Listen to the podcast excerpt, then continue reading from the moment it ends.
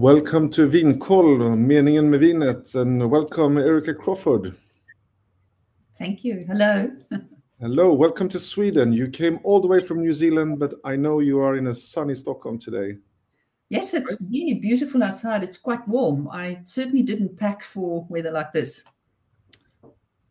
I understand, uh, but it but it's a good thing that it's Oh, it's nice weather. So uh, lovely to have you in Sweden, and uh, I'm very happy to have you on on Vinkoll today because we're going to talk about uh, one of your wines that are on sales in Sweden for the moment. On the um, in English, it's called a temporary assortment or tillfälligt sortiment, as we say in Swedish. Correct. I saw that yesterday.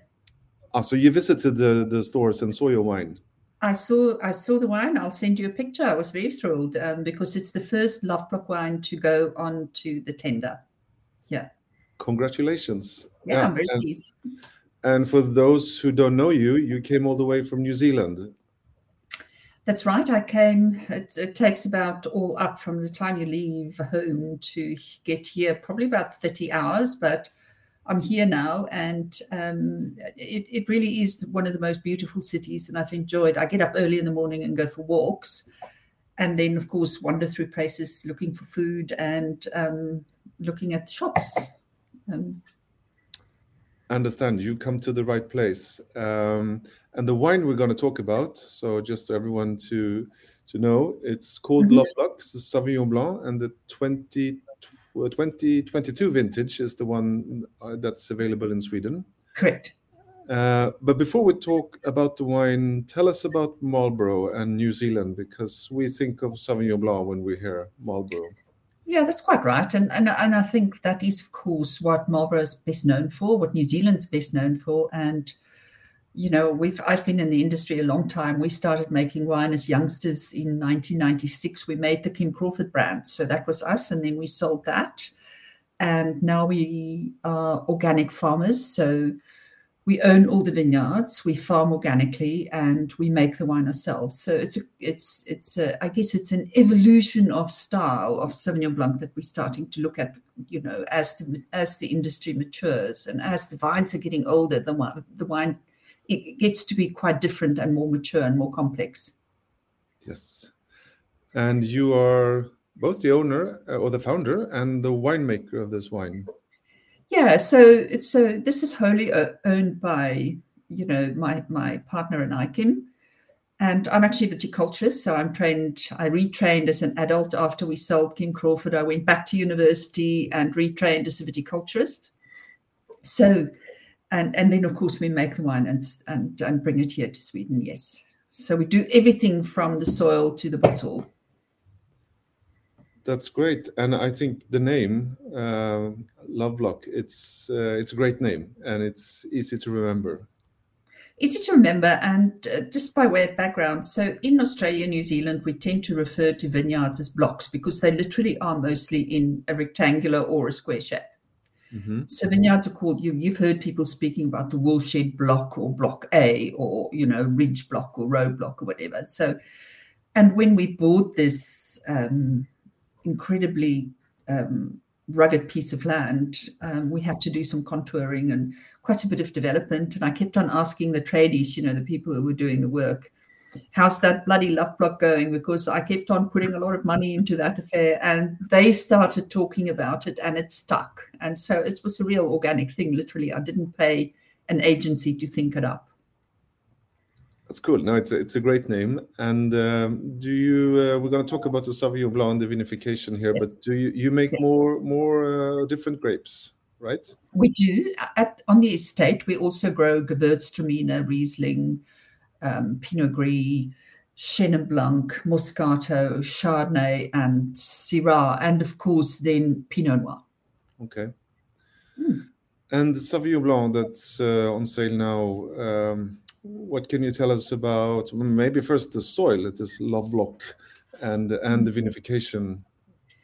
So the the the vineyard that this wine comes from is a single vineyard. It's been in organic since 2008. It was certified in 2012. So we've seen the changes that that soil management has done to you know to the wine as well. Um, it comes from the lower Dashwood area in Marlborough. So there are two valleys in Marlborough that, you know, the rock stars are in the what we call the Wairau Valley. And um, and then you go to Awatere Valley, which we some of the oldest grape growers there. Um, it's colder there, it's windier. So our crops are lower and, and you get tend to get a bit more intensity in the wines there. From that little spot where we are, we see quite a good handprint of peach on the on the wines. This one is quite different in that no sulf- sulfite has been added to this. Okay, so not at all.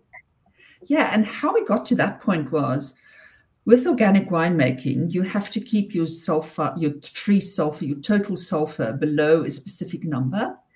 Mm-hmm. Uh, and and and and we noticed, you know, that the flavors is, that you know that the the wine is tends to be softer the aromatics tend to be held, withheld held back a little more, but much more complexity and, and texture on the palate. So the next question was: So what happens if we don't add any sulfites at all? Well, we know that there's a very large chance that the wine will spoil and oxidize. You know, it goes it goes off yeah, and I don't think we can, you know, no responsible winemaker can afford that because someone something's still got to pay the rent, right, and pay the mortgage on those vineyards. So yep.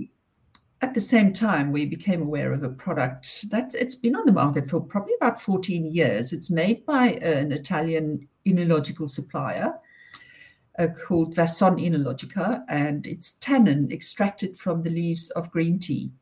Now, we use tannin in the winery for various reasons. I mean, obviously, uh, fermentation and aging, particularly of red wine, but we also use it to, for instance, to clarify must. So, if you look at the molecular structure of this tannin extracted from green tea, it very much um, mimics the uh, one of the you know the the the the flavonoids that's in wine, but it's antioxidant capability is so high.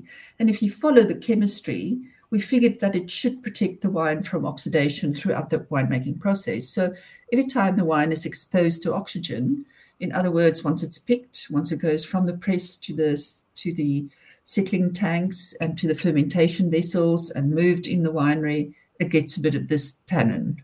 Um, and oh, that's that's interesting. I mean, are you the first or the only one doing this, or is this common? Um, with the green tea, yes, the green tea tannin. We know that the South Africans are also looking at rooibos tea tannin extracted, but I think their challenge is coloration. You know, because obviously you use the woody part of the plant yeah. there. Yeah. Um, so um, we actually have done trials looking at all those tannins, and our choice is to go with a tannin extracted from green tea. And the wine is quite different, you know. It's it's not Sauvignon Blanc as you know it. And as I'm sitting here tasting it now, it's more flavors on the aroma on the nose of mandarin and cloves and and of course there's a little bit of basil basil and herbs because it is Sauvignon Blanc, isn't it?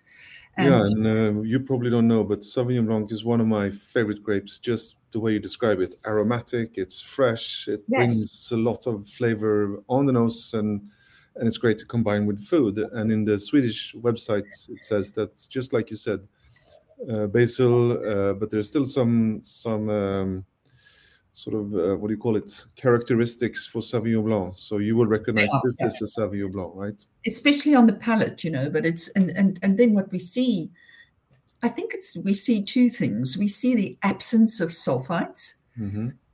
And for me, it really grabs flavor and hangs onto it. So wine with um, sulfites added tend to be a little sharper, tends to be sharper as it hangs onto the fruit. Um, and then this wine is softer on the palate and quite juicy. So it does make a difference. How do I know that? Because we've actually done the uh, the quantity, you know, the proper um, trial in the research winery. So someone else did it for us, where we used grapes from the same vineyard. They get treated exactly the same. The only difference is uh, the control has no addition of either tannin or sulfites. Then you look at sulfite, and then you look at the tea tannin. So hopefully next year I'll come back and we can do a proper masterclass and we can taste how it actually differs under control. Well, it would be lovely to do, as you say, when you compare. That's compare Yeah. next to each other. That's how you can sort of. and then it. you really see what makes a difference. Yeah. Mm. And speaking about pairing, because it also um, says, uh, or I imagine that this is quite a few good pairings, both on the sort of cheese side, but also on meat. I guess both chicken and um, and I think you said Vietnamese before, which is um, a style. I don't know, but it goes well with a more um, not spicy necessarily, but more uh, aromatic food, or I don't know how to say that in English. Suddenly, I lost my English. What do you when you, what do you I say mean- when food is quite um, tastes a lot?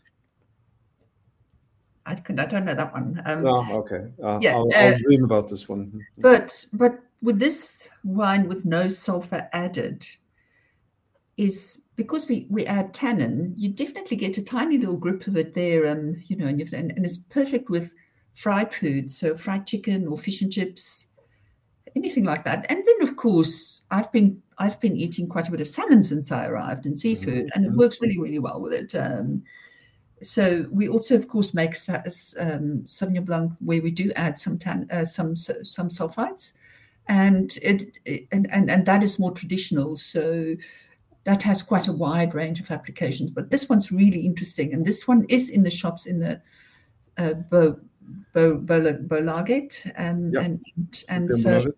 yeah, try it out. Uh, definitely, and it's a temporary assortment, so there's just a limited number of bottles. Um, I checked today; it's available in about 40 shops, and through online you can order and pick up at any any uh, shop you like. And it's at 177 Swedish kroners, and the article number is 93146 if you want to order it. Uh, I should definitely uh, try uh, this, and I think, like you said, with the fried chicken. I think uh, just like you described, that sort of I'm in. Yeah, and fish and chips and or anything really. Um, I think I think it's really interesting. This one, I really would encourage people to try it out because it's different to Sauvignon Blanc that you're used to from New Zealand that you see in the shops here in Sweden. It's very different. Yeah. Good. I'm really happy that you joined us and shared the, the story, and uh, hopefully more people will will uh, discover Loveblock and Sauvignon Blanc, and also the other wines. Uh, I'm not sure how many are available in Sweden, but I know there's Yes, a few of your yeah. wines. Yeah, the, there's also Pinot Noir that's available on the Bestellen, I think is the word. Yep. Ordering assortment, yeah. Yes, yes, yes. So, so, so that's also available, and then of course um, the Arco wines they bring in Pinot Gris as well. So three wines to try. That's um, yeah. looking forward to it. Uh, enjoy Sweden. Nice to have you here. Next time you're here, like you said, let's meet up, have a masterclass, and try the different Yes. wines together. That would be lovely. Yeah. It's really interesting. Yeah. Thank you for having me. Thank you, and enjoy your stay. Thank Take you, Marcus. Bye bye.